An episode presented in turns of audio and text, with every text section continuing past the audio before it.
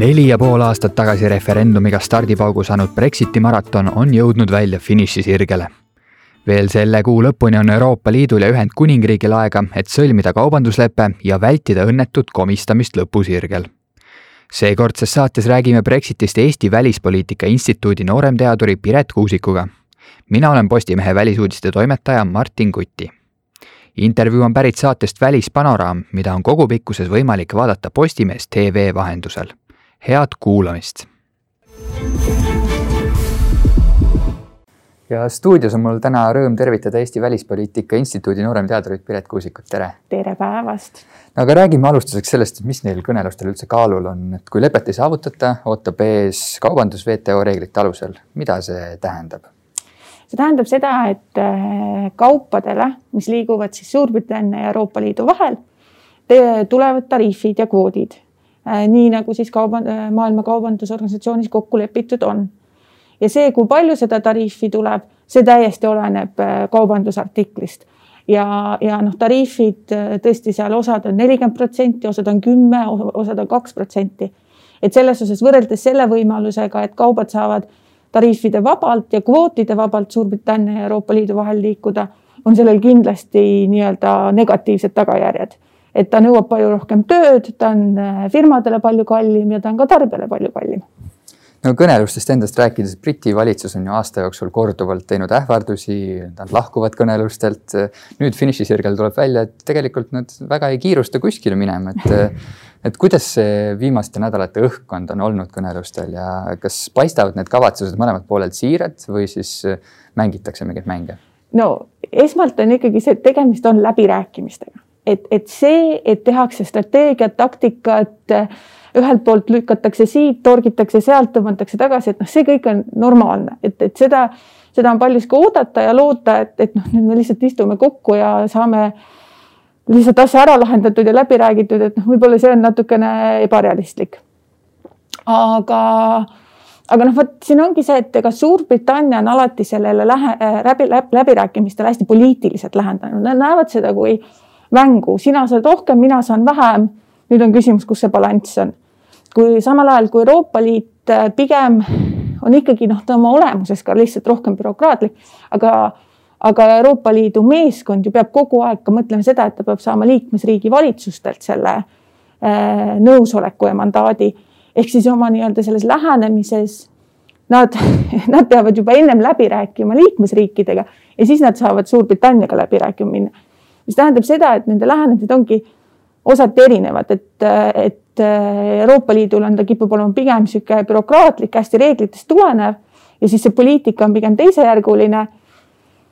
see ja, ja Boris Johnson, kelle noh, ka poliitiline mandaat väga palju ju tugineb sellele refer referendumile inimestele, kellele ta lubanud on, et ta selle äh, lahkumise nii-öelda edukalt koju toob. temal on jälle seda poliitika aspekti nagu rohkem aga tõsi ta on, et need viimastel nädalatel see olukord või see, see õhkkond seal ruumis on olnud sihuke võib öelda nagu hapu, et, et selles osas seda, seda pühapäevast kokkulepet, et me jätkame kõnelusi, et seda me näe, ikkagi hindame pigem positiivsena, sellepärast et, et on näha seda, et okei okay,, et mõlemad pooled ikkagi jätkavad ja nad ei kõnni minema, et et, et, võib-olla kui eelmine nädal oleks rääkinud, siis oleks võinud ka öelda, et noh, et see minema kõndimise šanss on, on täiesti reaalne. noh, eks see on siiani olemas, sest aga lihtsalt seda lükati edasi, et. jah, seda küll, aga see, aga see on noh, näide sellest, et ikkagi mõlemad pooled tahavad seda mm. kokkulepet. jah, neil on erinevused, aga, aga see soov ja nagu püüe töötada selle nimel on olemas mm. -hmm lepete lahkumise plaane, neid nii-öelda contingency plaane on tehtud mõlemalt poolelt, Euroopa Liidu ja, ja brittide poolelt, et kui me lühidalt nüüd prooviks kokku võtta, mida need endast kujutavad? Äh, võib-olla jah, Euroopa Komisjon siis lõpuks, sest liikmesriigid olid seda juba päris pikalt äh, küsinud, tuli siis välja plaanidega, et mida teha siis, kui seda kokkulepet ei tule. seal on selge see, et transport jätkub, nii õhutransport kui, kui ka siis maapealne transport ja veel mitmetes aspektides on nii-öelda tagatud see, et ikkagi noh, ütleme nii, et eh, teele uks kinni ei lähe. nüüd eh, Suurbritannia lähenemine nendele on üldiselt olnud selline, et et me teeme kõike seda, mida Euroopa Liit teeb, et kui Euroopa Liit ütleb A, siis Suurbritannia põhimõtteliselt vastab ka A-ga, et, et ütleme nii, et midagi seisma ei jää, aga eks segadus saab kõvasti olema no Brexit on meile näidanud, kui mitte muud midagi, siis seda vähemalt, et tähtajad ongi selleks, et neid üle lasta nüüd on ajakava ikka väga-väga pingeline, esimeseks jaanuariks peab see asi olema ratifitseeritud, kui ei, siis ei ole meil lepet. olen, on see üldse ajaliselt võimalik ja kui me suuremat pilti natuke vaatame, et kas sellise mahuka kaubandusleppe sõlmimine ühe aastaga, on see üldse reaalne ja tavaline või on see midagi väga eriskummalist? Kaks küsimust jah, see on reaalne selles osas, et eh, nii Euroopa Parlament kui Suurbritannia siis eh, parlament on mõlemad selle jõulude ja uusaasta vahelisse perioodi omal plaaninud siis tulla kokku just selle eesmärgiga, et see lepe ikkagi läbi lasta. et selles osas see on reaalne. nüüd see, kas ja kuidas liikmesriikide parlamendid sellesse protsessi kaasatud on, see saab olenema paljuski sellest, et ikkagi, mis selle sisu on et äh, ja, ja kuidas see siis otsustatakse, et iseenesest reegel ei ütle seda, et see peab minema nendest parlamentidest läbi. aga, aga samal ajal näiteks, äh, kui oli Euroopa Liidu ja Mercosuri kaubandusleppe äh, nii-öelda ratifitseerimine või kinnitamine, siis seal need läksid liikmesriikide parlamentidesse ja seal just Prantsusmaa oli hästi vokaalne. Et ma arvan, et siin see aja, ajasurve pigem tagab selle, et, et ikkagi algselt lepitakse sellega, et siis Euroopas Euroopa Parlament ja Ülemkogu kinnitavad selle ja, ja leping läheb töösse, võib-olla mingeid aspekte hiljem äh, rahvuslikud parlamendid ka juurde kinnitavad juurde, aga see alles veel selgub. nüüd äh, kaubanduslepped, noh, keskmiselt ma tean, et kuskil viis-kuus aastat, keerulisemalt kümme aastat, et see, see, et see ikkagi nüüd aastaga kokku vorbiti, on, on loomulikult märkimisväärne, samal ajal see oli algusest peale teada, et see ajakava on hästi tihe. see ajakava loomulikult veel oli survestatud siis ka pandeemiast, kus meil siin on liidrid olnud, kas nad ei ole saanud siis võtta osa läbirääkimistest ja need on katkenud äh, nii-öelda selles uues normaalsuses, milles me elame. Ja aga noh, teine asi on see, et see on selles osas ju huvitav olukord, et et kui muidu kaubanduskõnelustes kaks osapoolt peaksid liikuma üksteisele lähemale siis täna meil on olukord, kus kaks osapoolt on ju põhimõtteliselt sama ja vaatavad, kuidas siis nagu liikuda sammu eemale. et see lähtekoht on nagu muu. et hästi palju me ju räägime tegelikult tulevikust, mida me päris täpselt ei tea, et kuidas see siis nagu välja mängima hakkab. et, et siin koha peal ma arvan, et kui oleks aega rohkem olnud, oleks teine olnud, võtnud pikemat aega. kuna see aga paratamatult asjaolude sunnil on nii lühike siis sai ka nii lühikeselt tehtud. räägime ka nendest äh, murekohtadest ja tüliküsimustest. kalandus on üks väga terav küsimus, ajab britid ja prantslased vaata tülli ja räägitud on lausa sellest, et Briti merevägi hakkab siin nüüd järgmine aasta kalapaate tõrjuma ja kalureid kinni pidama, et miks kalandus nii tähtis küsimus on?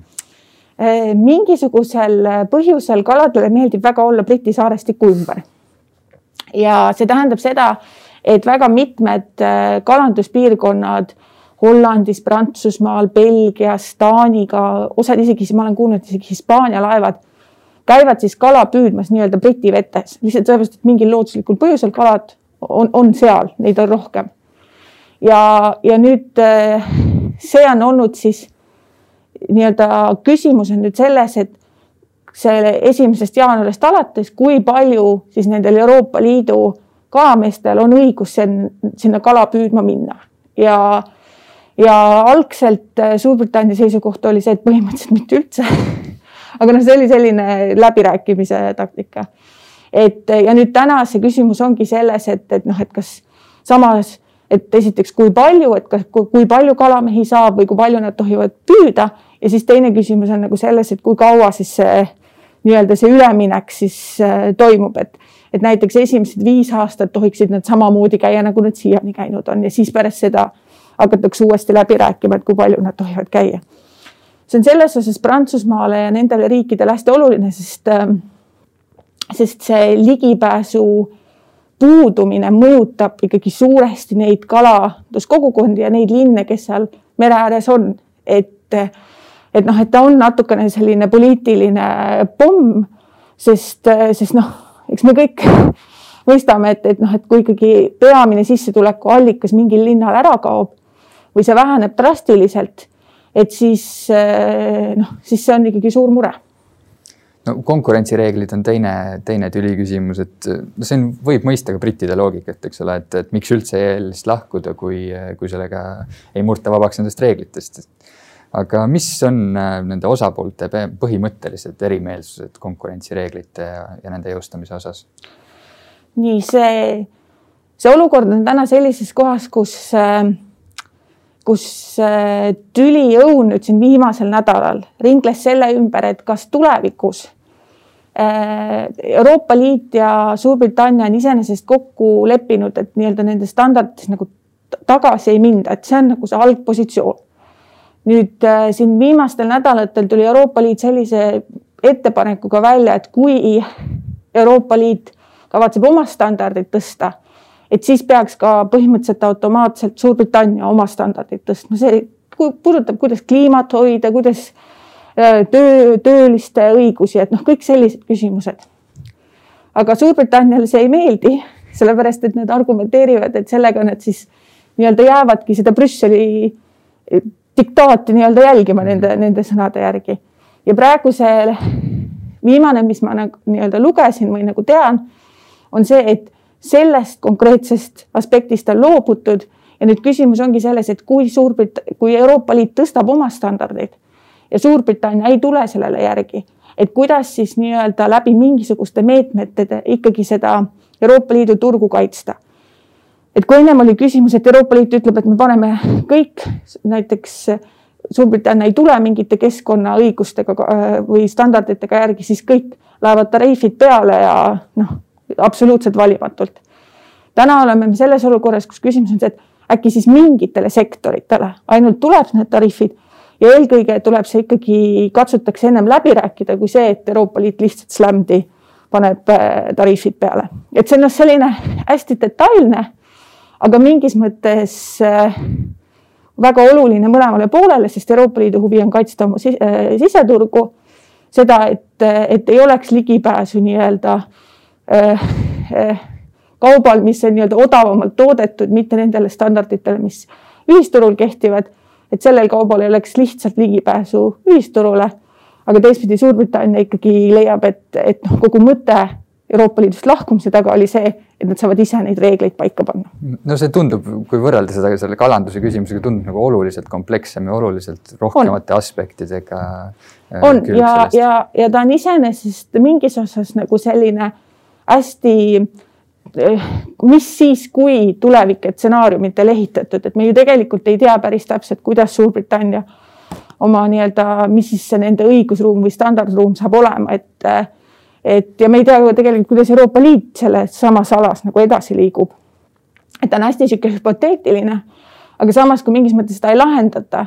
siis on, siis on selge, et, et, et, et noh, probleemid võivad tulevikus tekkida mm. -hmm. ei saa välistada ju ka seda, et hakatakse halvas usus näiteks tegema oma reegleid just selleks, et saadagi seda konkurentsieelist, et see usaldust võib-olla nii palju ei ole, et, et nüüd arvata, et, et britid kindlasti jääksid oma sõnale kindlaks, mis ei ole pandud paberile, eks ole. noh, absoluutselt ja ja, ja, ja noh, see on ka olnud selles osas Boris Johnsoni ja konservatiivide need, kes pooldavad Brexitit, selline tugev sõnum, et et noh, nemad teevad, mis iganes nemad tahavad, et, et, et noh, siis paratamatult Euroopa Liit kaitseb enda huvesid. No esimene jaanuar, kui ta saabub, see tähendab nii või teisiti muudatusi Ühendkuningriigiga suhtluses ja ilma kaubanduslepeta kindlasti need oleks veel drastilisemad, aga kui me vaatame siit nüüd Eesti vaatest, et mida meile kui tavalistele eestlastele või ka Eesti ettevõtetele,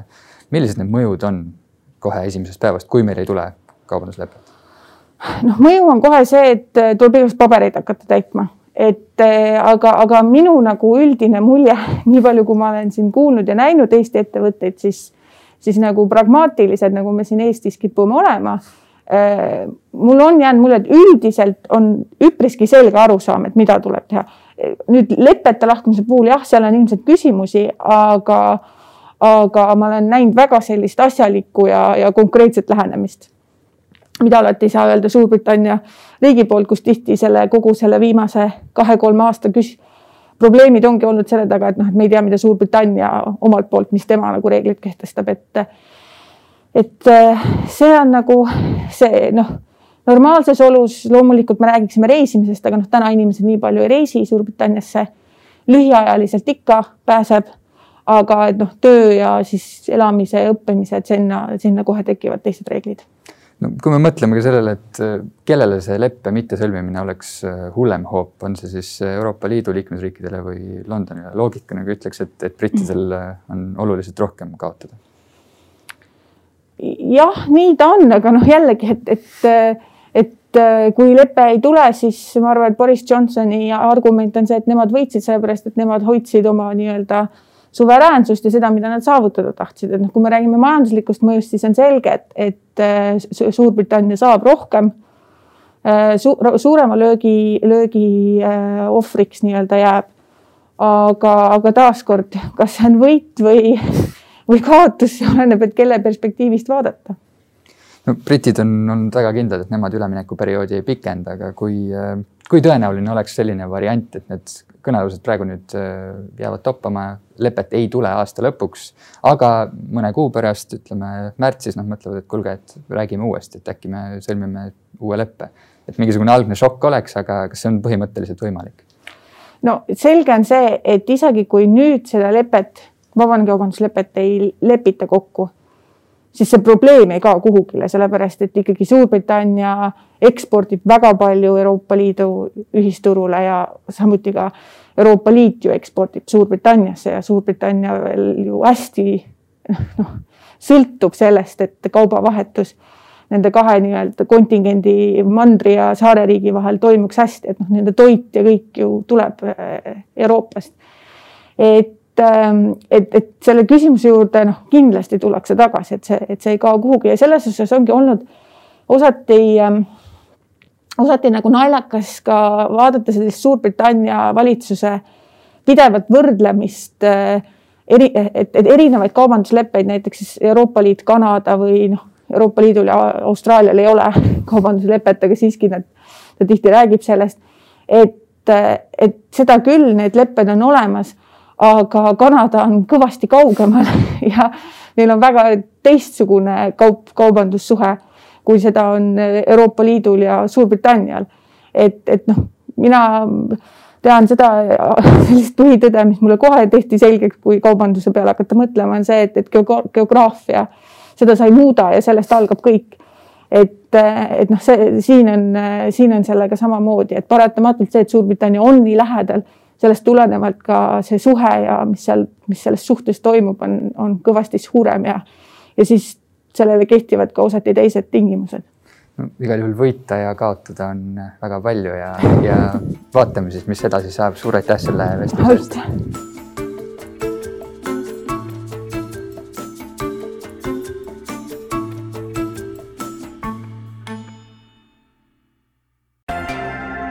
Saade on kuulatav Postimehe digipaketi tellijatele veebilehel podcast.postimees.ee